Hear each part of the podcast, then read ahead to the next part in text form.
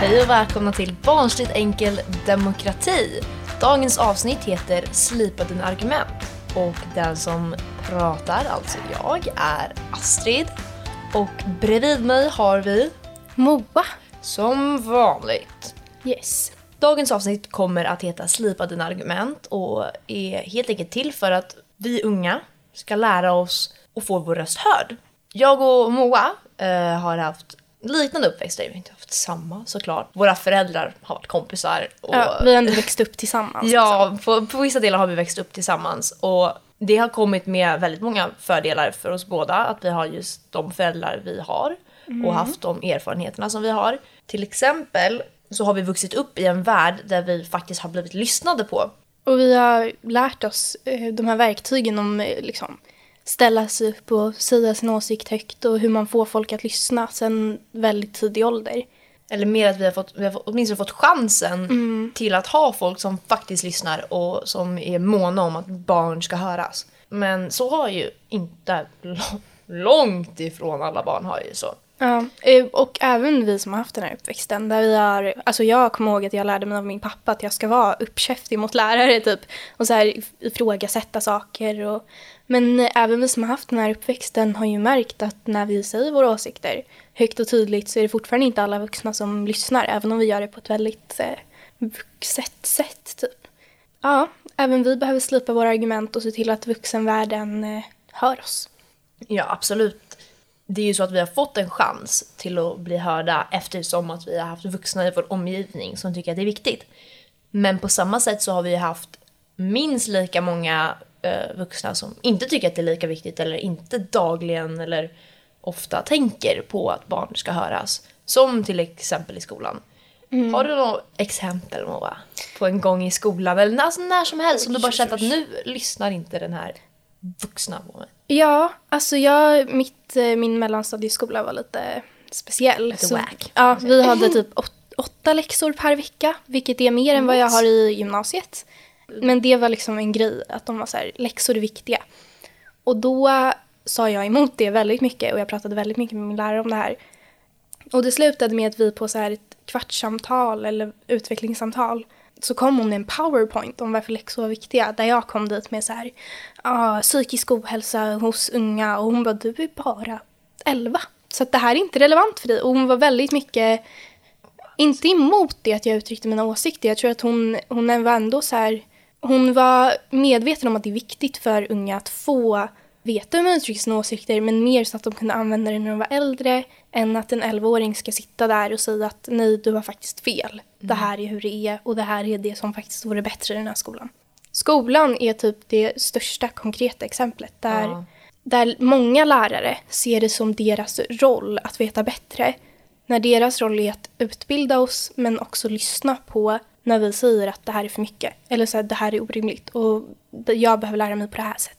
Och det är just därför som jag tror både jag och Moa kan säga att vi tycker att det här avsnittet är otroligt viktigt. Och är det så att du vill veta mer och du vill lära dig ännu mer än det du hör här så kan du söka dig till Unga Örnars demokratiklubbar där du kommer få reda på så mycket skitbra verktyg som du verkligen kan använda dig av både i skolan, både hemma, överallt där du har någonting att säga. Och finns det ingen dem- demokratiklubb där du bor så kan du alltid gå in på Unga Örnars hemsida och få ännu mer information där om hur du kanske till och med startar en egen. Ja, eller kontaktar någon hos Unga Örnar som kan starta en åt dig.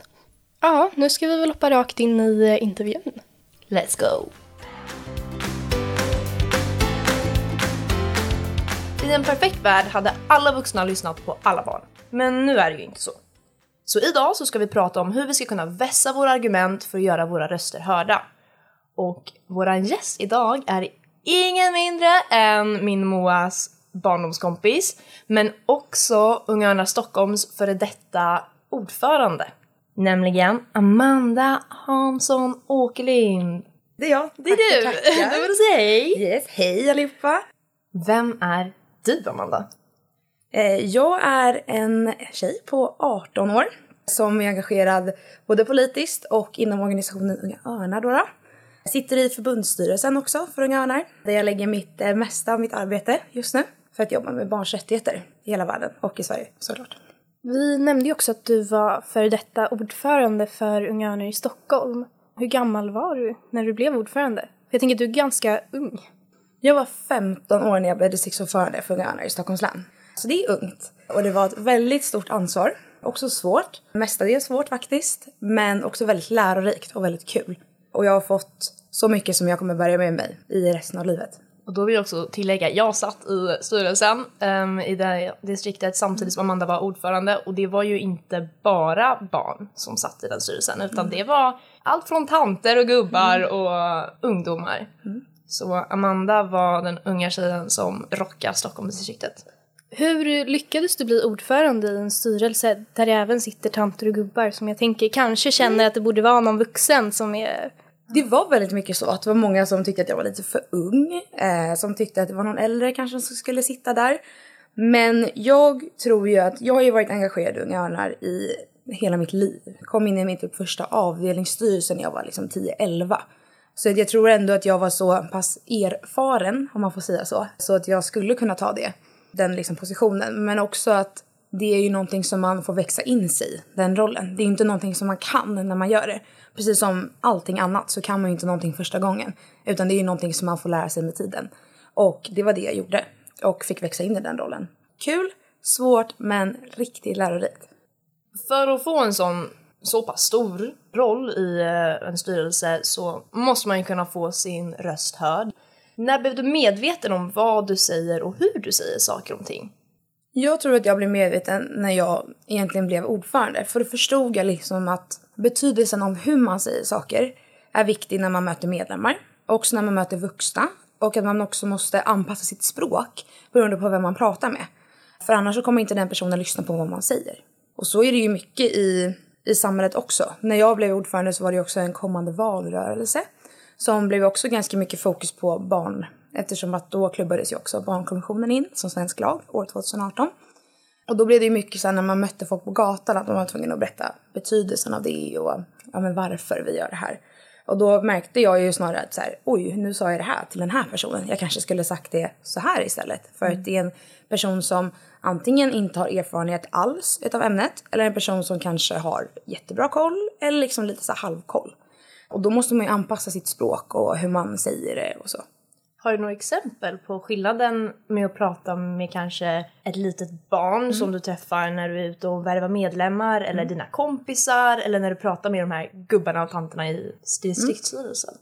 Alltså ett jättebra exempel skulle jag vilja ta är hur man pratar med om samtycke som är ett ganska så här brett ämne. När vi pratar om barn så kanske vi inte kanske pratar lika mycket om typ sex och samlevnad som det blir kanske för tonåringar och äldre utan man kanske är så här ja vill du leka med mig? Och personen säger nej då är ju det ett nej. Och det är ju också en typ av samtycke. Men då får man ju förklara det i andra ord. Nu sa den här personen nej till en kram eller nej till att leka med dig och då får du ta det som ett nej.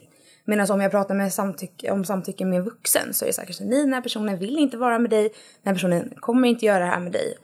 Så det är en grej som är ett ganska praktiskt exempel på hur man kan prata om ett jättestort begrepp som berör alla fast med olika personer. Också ett ämne som vi kanske främst ser på som ett vuxenämne. Precis. Som ändå är viktig att lära sig från när man mm. är barn. Som går att tweaka väldigt enkelt för att passa barn också. Exakt. Det finns ju så många olika exempel på hur man kan göra det. Det är ju som om jag skulle berätta om Unga Örnar för er två. Eller om jag skulle berätta om Unga Örnar för en sexåring som kanske bara vill liksom vara med på aktiviteter och leka och sånt där. Medan ni kanske som är lite äldre vill så här, veta mer om politiken bakom eller om det finns någonting så här, som utmärker organisationen. Mm, hur man kan förändra i organisationen Precis. eller hur organisationen kan förändra utåt. Precis. Och då tänker jag också att det är skillnad när man pratar med själva barnet eller med mm. föräldrarna. Precis. Det tänker jag också är en viktig skillnad. Apropå retorik och hur man pratar med andra, finns det någon som du har inspirerats av som är riktigt bra på att driva frågor och sin egen röst? Det finns jättemånga egentligen. Men en av de personerna som jag kanske mest inspirerats av, det kanske låter jättelarvigt, men det är ju bland annat Olof Palme och Anna Lind för den delen. Två personer med liksom, har en väldigt bra, bra retorik först och främst. Vet hur man ska säga saker till folk för att folk ska lyssna och för att folk ska ta in det man säger. Min svensklärare visade ju faktiskt ett klipp på Olof Palme i ettan när vi pratade om just retorik. För att han tycker att det var ett jättebra exempel. Sen kanske inte han har de politiska åsikterna men han tycker att det var liksom en kille som hade bra koll på retoriken. Och jag tror att det gav oss i klassen också väldigt mycket på när vi skulle ha tal. Att så här, så här gör man för att folk ska lyssna. Vi hade nog samma klipp i ettan av gymnasiet så hade vi också ett klipp på Olof Palme när vi pratade om retoriken och han, vi, hade han som exempel. Så att det tror jag många kan hålla med om att Olof Palme var en riktig stjärna på retorik. Ja, I nian valde min lärare att istället visa ett klipp på, eh, vad heter han, SDs ordförande, saker man borde ha koll på.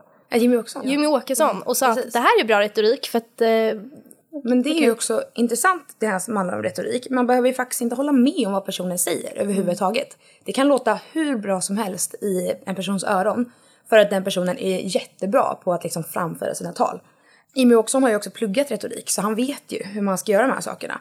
Sen håller inte jag med allt som vad han säger men han får ju fram det i sina tal. Det är läskigt men Det det är är, läskigt. viktigt att tänka på att så här, vem som helst kan vara bra på det. Det är ju bara hur man framför det och hur man liksom säger det till folk. Nu ska vi inte kanske dra kopplingar mellan Hitler och Jimmie Åkesson men jag tänker Hitler var ju också Ja. ett exempel på en liknande person som idag har otroligt liksom annorlunda värderingar än vad som sägs är normen för det mesta åtminstone i Sverige. Men som ändå vann valet, som ändå liksom blev Han var förbundskansler. förbundskansler. Det blev han. Så det är också ett exempel man måste ju inte hålla med det personen säger men sättet den säger den får en att lyssna. Precis. Apropå att göra sin röst hörd, få fram det man vill säga. Har du något tips på sätt som en ung person kan få fram det man ska säga? Ja, alltså först och främst tycker jag att det är viktigt att man hittar ett forum för att få fram sina röster. Eh, det kan vara en organisation eller att man skriver ett förslag till sin kommun. Att så här, nu vill jag ändra på det här till exempel. Och det är viktigt också att så här, synas. För att man har ju, i samhället så har vi ju liksom att de äldre bestämmer, de äldre får gå och rösta, de äldre får göra det här, vuxna får göra ditten, vuxna får göra datten och så vidare. Tråkigt, men så är det ju. Så mitt största tips är väl snarare att man hittar en plattform. Jag hittade ju väldigt mycket av det i Unga Örnar. Så när jag åkte på min första kongress 2013 så fick ju jag ju skriva mina egna motioner. Och sen kongressen efter det satt jag ju kongressordförande.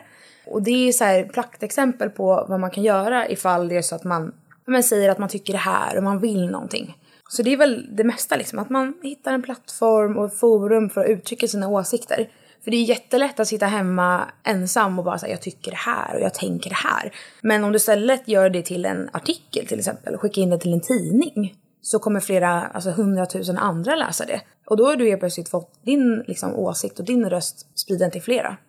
Nu nämnde du ju motioner. Och du har ju skrivit motioner för både SSU och för Unga Örnar. Och som du sa, sen du var ganska ung. Vad är en motion? Hur skriver man en motion? Och vad kan vara viktigt att tänka på? En motion är ju ett förslag på någonting som man vill göra.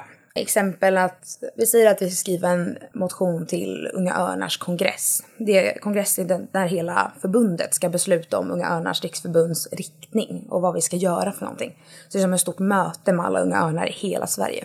Och eh, då kanske jag skriver ett förslag om att jag vill att alla ska äta glass på varenda Unga Örnar-möte. Och då kan man skriva en motion om det. Och eh, man skriver en motion med att man börjar med att ha en rubrik. Och sen har man lite bakgrundstext till så här, varför vill jag att alla ska äta glass? Det kanske är för att jag älskar glass så himla mycket. Och jag tycker att alla barn ska få äta glass. Och sen skriver man att-satser. Och det är ju då själva förslaget, eller det man klubbar igenom. Så det är det viktigaste i hela motionen, att det är de som skrivs rätt. För sen när man tar ett beslut, alltså om till exempel kongressen tycker att det är ett bra eller ett dåligt beslut, då är det att-satsen man kollar på. Och då skriver jag till exempel så här, jag vill att alla barn i Unga Örnars riksförbund ska få äta glass på varenda möte. Och då är det det motionen handlar om. Så sen när man eh, tar beslut om den här motionen, alltså om den ska vara bra eller om den är dålig, då är det bara den här att-satsen som man tar hänsyn till. Utan den här bakgrundstexten, den, puff, den faller bort. Den försvinner. Varför man har då, då kan ni tänka så här, det är ju konstigt att man har en text som bara kommer försvinna sen när man har tagit beslut om det. Och det är för att det är ju bara en text om varför du tycker så. Och kanske så här, varför det är bra att barn får äta glass eller varför du tycker att det är bra att barn ska äta glass och varför du vill det. Men sen det du vill, alltså den här lilla att-satsen på typ en mening eller något sånt där. Det är ju den som sen kommer att göra skillnad. Men när man skriver en motion så är det alltså det första man gör är att motivera vad man vill. Precis. Och sen skriver man vad det är man faktiskt vill. Mm. Kan vem som helst skriva en motion? Eller måste man vara med i ett ungdomsförbund eller i en förening som Unga Örnar? Alltså alla kan ju skriva motioner, men det beror ju lite på vart man vill att motionen ska någonstans och vad man vill göra med den. Till exempel om du eh, vill att din kommun, eller där du bor, alltså de politikerna där du bor ska ta ett beslut om ja, men att bygga upp en ny skola eller att du ska starta upp en ny fritidsgård för du tycker att det är för lite aktiviteter för barnen i ditt område. Då kan man ju skriva ett medborgarförslag som det heter. Och det kan man ju också skriva i form av en motion eller i form av en text. Men den motionen kommer ju sedan tas upp av politikerna. Så att som medborgare i ett samhälle så är det svårt att lägga fram en motion själv. Du måste liksom ha en plats att göra det till. Att det är riktat. Du kanske skriver ett mejl till en riksdagsledamot eh, om någonting som du vill ska hända i Sverige. Och då kan den personen ta upp det sen i riksdagen. Om jag nu ska skriva en eh, motion själv och jag vill hitta en plattform. Hur hittar man en plattform egentligen? Först och främst kanske det är viktigt att tänka på vad man vill göra det. Vill man rikta den till ett ungdomsförbund som håller på med politik? Då kan man ju kanske, det låter jätteklyschigt, att googla. Eh, är ju alltid en bra start. Eller kanske fråga någon förälder eller någon annan i din närhet. Eh, om du går i en eh, skola, alltså gymnasieskola, finns det ju också många skolklubbar. Du kan ju också liksom påverka din skola via elevrådet. Jag tänker väl att det bästa är väl att veta först och främst vad det är man vill göra, så här, vad man vill rikta den. Vill man påverka barn och unga, då är ju Unga Örnar den bästa organisationen utan tvekan. Nej men så är det verkligen. Och vill man kanske påverka ett parti, då är ju kanske deras ungdomsförbund den bästa, det bästa att gå till. Nummer ett innan man skriver en motion, ta reda på vad det är du vill förändra. Ja. Och vilka som är bäst på att förändra det. Vad händer efter att man har skrivit en motion? Då motionen tas upp där, eh, på platser man vill förändra. Vad händer sen? Innan man tar beslutet liksom. Är det något som händer innan? Ofta så blir det ju en diskussion, En diskussion. om ens motion.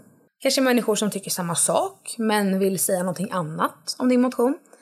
Eller så är det några som absolut inte håller med dig och tycker att så här, ah, glass för alla barn, mm, det är inte så bra för tänderna eller ah, det är inte så bra för magen eller så här. Och då brukar man ju då debattera. laktosintolerant faktiskt. Ja men, lite, ja. men alltså vet du vad, lite så är det ju ibland. eh, och då brukar man ju debattera och diskutera den oftast. Och det kan ju vara i de, alltså kongressammanhang eller sådär. Vilka sammanhang brukar du debattera i då? Oj, jag debatterar ju väldigt ofta. Jag träffar ju väldigt mycket människor. Så jag tenderar ju lätt att hamna i debatter om olika saker. Människor som ofta inte tycker som jag. Eh, och då blir det ju också en debatt. Men jag skulle säga att det sammanhanget jag brukar debattera i är mötet mellan människor. Och jag tror också att det är det viktigaste sammanhanget att debattera i. För då får man faktiskt veta vad den andra människan tycker och varför den tycker så och också få en för större förståelse för sig själv och varför man tycker så själv och varför den andra personen tycker så. När debatterade du senast då? Det, det var i helgen faktiskt, när jag var med några vänner. Träffade vi på en kompis och han tycker ju absolut inte samma sak som jag gör. Och då hamnar man väldigt lätt in på de här sakerna som handlar om politik och bland annat. Då debatterade vi ganska länge. Vad kom ni fram till då? Eh, vi kommer fram till att han får ha sina åsikter och jag får ha mina åsikter. Helt det är så enkelt. det brukar Ja. sluta när man debatterar med Så är det också. kompisar. Det är ju så här, när man debatterar är det ju inte... Jag tycker inte att man ska debattera för att förändra någons åsikt. Utan jag tycker att man ska debattera för att man antingen vill få den andra människan förstå varför man tycker som man tycker. För att så här, man kan inte ändra en människa. Man kan kanske ändra dens åsikt. Men man kan ju också få en större förståelse för sig själv och liksom sin omvärld. Breda din opponents perspektiv. Ja, man breddar sina egna vyer också. Man får precis lika mycket, eh, man får veta precis lika mycket om en själv och om andra när man debatterar. Hur brukar du förbereda dig inför en eh, liten större debatt då? Jag brukar först och främst tänka på vad det är jag vill få fram. För det är ju väldigt, väldigt lätt att man börjar prata om någonting och så börjar man prata om något helt annat och så säger någon annan något helt annat och så hamnar man på helt fel spår. Och helt plötsligt så vet man liksom inte längre vad det var man började med. Så jag brukar väl alltid förbereda mig och veta så här, det här är det jag vill få fram. Och också så här, veta vad man ska säga. Det kan vara bra att här, ha lite tankespår innan. Så här, det här vill jag säga, det här tycker jag är bra. Hmm, och sådär. Måste man ha det på papper eller brukar det räcka med att man bara tänker i huvudet? Jag tror att det handlar om vad man tycker är bäst själv. Vissa lär sig ju bättre med hjälp av stödord på papper. Vissa debatterar ju bättre genom att ha liksom nedskrivna argument på ett papper. Jag gillar ju att ha det i huvudet. För att ofta så vet man liksom inte riktigt vad det är. Ibland kan det bara komma någonting jättebra som man vill säga. Och därför tror jag att det är bäst att man där kanske läser igenom vad man tänker och tycker. Kanske skriva lite argument och sånt innan som man liksom läser in. Men sen är det också viktigt när man debatterar att svara på det den andra personen säger. Så att du inte bara har en debatt med dig själv utan att du lyssnar på vad den andra säger och svarar på vad den andra säger. Och det är ju så man får en bra debatt. Så att du inte bara står och läser av ett papper så här, jag tycker det här, jag tycker ditten, jag tycker datten. Ja just det, du tycker så, men jag tycker fortfarande så här och så här. Så att man har det liksom. När du får motstånd då? När du har ett argument att bemöta? Hur gör du då? Det beror ju väldigt mycket på um, sammanhanget. Men det jag brukar göra först och främst, det är att om en person säger till exempel ett påstående, om man säger nu säger vi att jag verkligen, verkligen älskar glass och den andra personen verkligen, verkligen avskyr glass. Och den personen säger så här, ja men det är superdåligt för tänderna. Och då kanske jag säger så här, ja men det kanske är dåligt för tänderna, men jag tycker i alla fall att det är gott. Och jag tycker att alla barn ska få äta glass, för att det gör barn glada. Det behöver inte det vara en sån där glassfråga, men det är ett bra exempel. Men det kan vara vad som helst, att man tar in det det andra säger och säger så här, jag förstår vad du tänker, men jag tänker så här. Men hur, hur gör du för att, om vi säger att nu har du haft din eh, debatt om, eh, om glass och det, det gick inte så bra för att eh, det kom, eh, de kom fram till att nästan alla var laktosintoleranter och det var ingen, ingen tyckte om det där. Hur gör du för att slipa dina argument till nästa debatt? Så nu ska du gå till nästa gäng och ska du övertala dem om att glass varje dag, det är bra. Först och främst så kanske man, ibland så betyder det inte att bara för man har förlorat, eller förlorat en debatt betyder inte det att ens argument var dåliga. Det kanske bara betyder helt enkelt att de andra håller inte med dig. Och ibland får man bara liksom acceptera det. När man har en debatt så tror jag faktiskt att det är ingen som vinner och ingen som förlorar. Jag tror att det är bara snarare så att man tycker liksom det man tycker och man kan liksom inte ändra på det. Så när jag slipar om dem, då kan det vara bra att ha lite mer fakta kanske. Kanske formulera om sina argument och tänka lite så här, hmm, vad var det jag sa som gjorde att de här människorna fortfarande inte liksom lyssnade och höll med om det jag sa? Kanske var det för att jag hade mitt, mitt enda argument var att ja, barn blir glada av glass. Det kanske inte var världens starkaste argument. Då kanske man får slipa om det och tänka så här, hmm, vad gör barn, vad gör glass med barn egentligen? Hmm, det kanske gör barn glada eller barn får mer energi eller så här, det är en trevlig stund att så här, sitta och äta glass med sina kompisar. Så att man kanske får lite mer argument och också lite bredare.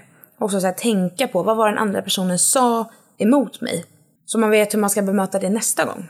Ja, och så kan man bara, ja men då kan vi ha glass och så kan vi ha isglass. För då kan alla som är laktos också äta. Så har man eh, slipat det och förbättrat och... Ja. Man har bytt på argumentet. Blir du någonsin arg när du får ett motargument? Ja, det kan jag bli. Men det, ja, men jag, kan, det, jag ska vara ärlig och säga att jag kan bli arg. Men då är det ofta inte om glass. Då är det ofta för att vi gör olika värderingar som gör att jag blir så här. Hur kan du tänka så? Mm, De kanske säger, men jag tycker inte barn ska vara glada. Precis. Handlar det fortfarande om glass? Precis. För många debatter handlar ju ofta till slut om vad man har för värderingar. Och då kan jag bli väldigt arg. När det går emot medmänsklighet och alla barns lika värde. Då kan jag bli riktigt irriterad. Men det är väl den enda gången jag blir verkligen arg, arg. När man säger emot liksom, grundläggande mänskliga värderingar. Men vad är viktigt att tänka på när man blir arg i en debatt? Räkna till tre skulle jag... Ja men räkna till tre och tänka så här. Den här personen håller inte med mig men jag vet fortfarande vad jag tycker. Och det ska jag fortfarande få fram. Får man bli arg i en debatt? Får man visa att man är arg också? Ja, om du blir arg så får du ju visa det. Men kanske inte så slå näven i bordet och liksom. Det är fortfarande viktigt att du förstår att du är här för att debattera om någonting och inte stå och skrika på en annan människa. För det kommer ju aldrig lösa någonting. Utan att du fortfarande så här, kanske omformulerar och försöker förklara igen. För att du diskuterar ju med en sak. Det är ju inte personen du hoppar på. Det är ju personens argument som du blir sur på och blir irriterad över. Så du kan inte ta ut det på personen för att personen tycker så. Utan då får du ju ha förståelse för att den tycker så istället. När är det du känner dig som starkast under en debatt? Det skulle jag vilja säga när jag själv vet att jag har satt ett jättebra argument. Att jag så här, nu har jag fått fram det som jag vill säga. Och nu känner jag att så här, nu är jag bra på det här. Jag tror att det handlar mycket om, precis som när man blir arg eller om man känner sig stark, att det handlar mycket om ens egen insats till debatten. Och också hur man hanterar debatten. Blir man arg, då kanske man inte känner sig jättestark. Då kanske man känner sig lite så här, ah, varför gjorde jag det? Men om man istället fokuserar på det man ska debattera om och får fram det på ett bra sätt, då tror jag att, då känner jag mig i alla fall stark. Och det tror jag andra gör också. Men när känner du dig som mest sårbar när du argumenterar? Eller känner du dig någonsin sårbar när du argumenterar? Så kanske man ska säga istället. Ibland. Och det är väl kanske ibland om det är så här ett, ett argument som jag absolut inte kan bemöta. Det bara tar stopp. Jag kan inte svara på den här, vad den här personen säger. Då känner jag mig sårbar. För då känns det lite jobbigt. För då har man ändå varit så förberedd och man har gjort det där. Men det är viktigt också att veta att vi alla är ju människor och människor kan ju misslyckas. Ett misslyckat argument eller en misslyckad debatt gör ju inte så att du är dålig på att argumentera. Eller dålig på att debattera. Utan du är fortfarande bra på det. Men just den här situationen kanske inte gick jättebra. Men då får man ställa sig upp igen och köra nästa gång. Så man måste inte vinna en debatt för att vara bra på att argumentera. Nej, och jag tror inte man vinner, som jag sa förut, jag tror inte man vinner eller förlorar debatter. Eh, så jag tror andra människor kan säkert tycka att du har vunnit eller förlorat en debatt. Men det viktigaste är väl att du kommer ut därifrån och känner att jag gjorde det jag kunde. Jag fick fram det jag ville säga och sen får alla andra tycka vad de tycker. För det är ju din egen insats som du måste tänka på. Och då tror inte jag riktigt att man vinner eller förlorar. Utan jag tror bara att det blir ett övningstillfälle. Varje debatt är ett övningstillfälle. Och du blir bättre på det varenda gång. Om du skulle få säga ett tips, vad är det allra viktigaste tipset för barn och unga som vill eh, hitta en plattform och lyckas ta sig ut och faktiskt starta debatter? Jag tror att det är först och främst det här med att hitta en plattform och veta vad man vill. Men sen också att ta hjälp av din omgivning, kanske dina lärare eller liknande ifall det är så att du vill till exempel öva på att slipa dina argument. Att du tar hjälp av människor i din omgivning som har koll på det. Och om du engagerar dig i en organisation, som Unga Örnar, så får du ju också hjälp och stöd med att utveckla dina argument. För det finns ju jättemånga som har gjort det innan. Och då tror jag att det är viktigt att man tar nytta av det också. Och tänka på att ingen är bra på att debattera förrän man har övat. Så alla, det är ju varenda sak man lär sig på nytt är ju ett övningstillfälle. Och det är ju någonting man lär sig med tid. Och det går inte på en natt att lära sig debattera. Jag har haft svårt med att debattera förut i början. För jag blev också väldigt känslosam när jag började debattera i början. Men nu har jag ju övat och lärt mig att så här, känslor får inte heller de får ta plats, men inte så att de förstör ens debatt. Hur gör man för att hantera de här känslorna som blir så starka när man har en person framför sig som verkligen inte tycker likadant som jag? Hur gör jag för att inte bara blåsa upp? Det är en bra fråga. Jag blåste upp väldigt mycket i början. Alltså det var ju liksom att jag bara sa det bara. Och så blev det en stor känslostorm. Och det är väl någonting som man får lära sig hantera. Det låter jättedumt kanske att säga det, men att man så här, det är någonting man får lära sig med tid att hantera. Men också tänka på, lite som vi pratade om förut, att man får tänka på varför man är där. Jag vill ju fortfarande säga det här och det här och det här, för att det är viktigt. Och inte kanske bli arg för att en annan människa inte tycker samma sak. Vi snackade förut om att man inte ska hoppa på personen man mm. debatterar mot, utan man ska hoppa på eller argumentera tillbaka gentemot dens argument. Mm. Men om du nu har en person som hoppar på dig och inte dina argument utan går på personangrepp. Vad, vad ska jag göra för att inte tappa kontrollen och göra samma sak tillbaka? Det har hänt mig några gånger. Speciellt under eh, valrörelsen 2018. Då hände det mig väldigt ofta att människor med andra politiska åsikter eh, hoppade på mig som person. Och det jag gjorde då, det var främst två saker. Antingen så kan man ju vara så här, säga till att så här, nej, nu är det inte det vi debatterar om, utan vi debatterar om det där. För det är väldigt lätt att hamna i samma spår.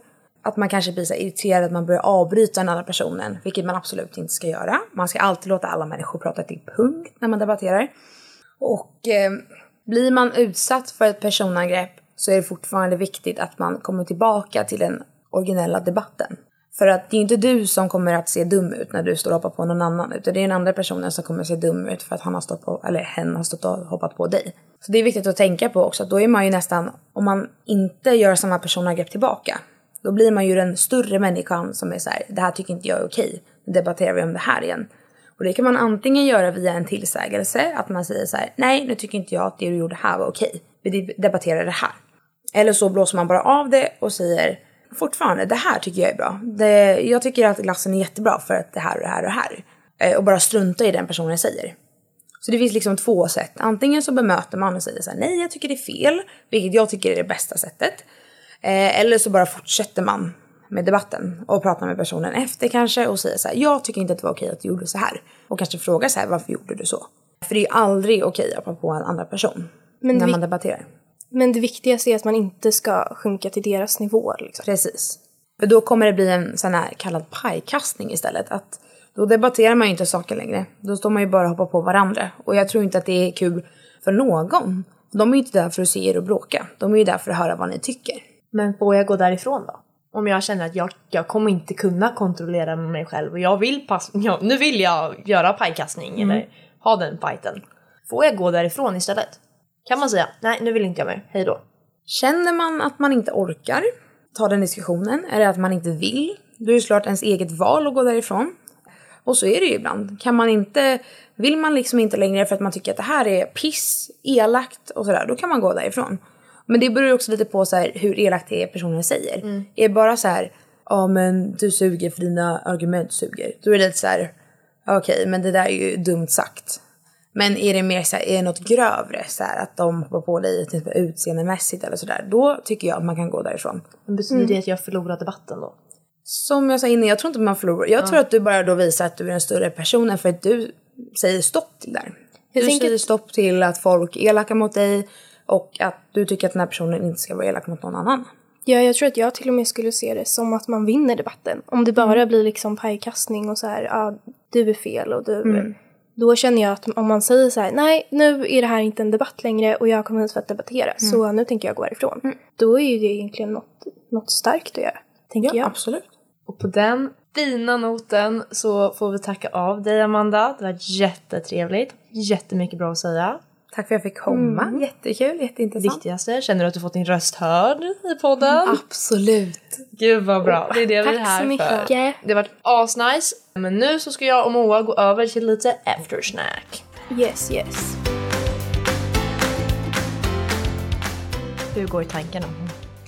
Ja, vi har ju snackat mycket med Amanda och eh, även om vi kände henne innan så är det här ju inte saker som man kanske pratar om till vardags. Så jag tänker att jag, jag har lärt mig riktigt mycket ehm, och väldigt lärorik intervju tror jag. Jag hoppas att det var det för er som lyssnar också. Hur man eh, hamnar i en position där man faktiskt har makt som barn. Och, För eh, jag, det tycker jag verkligen att vi ska trycka jättemycket på att Amanda är nyligen fyllt 18 år.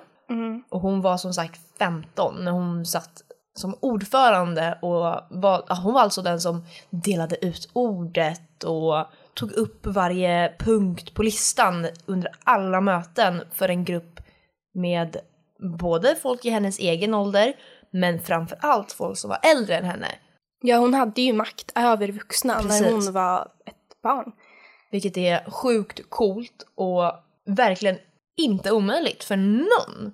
För så länge du kan slipa dina argument och så länge du vet vad du vill och hittar en plats där du kan utöva det du vill så är det inte alls konstigt att du får den makten som du rättväldigat förtjänar. Ja, och just nu när vi är inne på, det här är ju ändå en demokratipodd, en viktig del av just demokratin är ju att alla i eh, samhället ska ha en röst. Och då räknar vi ju även barnen i det. Och eh, rätten att organisera sig är ju otroligt viktig för det här. Föreningslivet och eh, organisationer, politiska och opolitiska, är alltid en plattform där man kan få sin röst hörd. Precis. Så att hitta en organisation där de har liknande politiska åsikter, kanske inte exakt samma, det Det är väldigt inte svårt heller att vara hitta. en politisk tänker jag heller för att Nej. din fotbollsklubb eller din eh, handbollsklubb eller innebandyklubb, scoutkår, alltså vilken fritidsaktivitet som helst har en styrelse. De har en grupp av, eh, vad jag vet så är det bara vuxna människor i sådana här idrottsföreningar i alla fall, som bestämmer saker, som har motioner som de tar upp och de har faktiskt öppna årsmöten. Och dit får du gå och där kan du säga det finns ett problem i min förening, det här tycker jag inte om. Eller till och med, det här är någonting jag tycker att vi borde lyfta mer. Ja, så eh, man, man kan alltid ha en plattform oavsett vart. Så går det att hitta en plattform för förändring. Och det här är otroligt viktigt. Så det är nog ändå själva huvudpoängen av det här avsnittet. Att alla har en röst, alla kan göra den rösten hörd. Och eh, gå ut och organisera er om ni, eh, om ni känner starkt inför någonting. Så organisera er. Vi får eh, tacka för att ni lyssnar på vårt avsnitt idag. Vi ses nästa gång och ha det bra tills dess. Yes, yes. Hej då! Hej då! Om du är barn eller ung och är intresserad av demokrati och vill veta mer om hur du ska påverka så kan du få hjälp med det på demokratiklubb.se. Yes. Tack så mycket för oss och för det här avsnittet. Hej då! Hej då!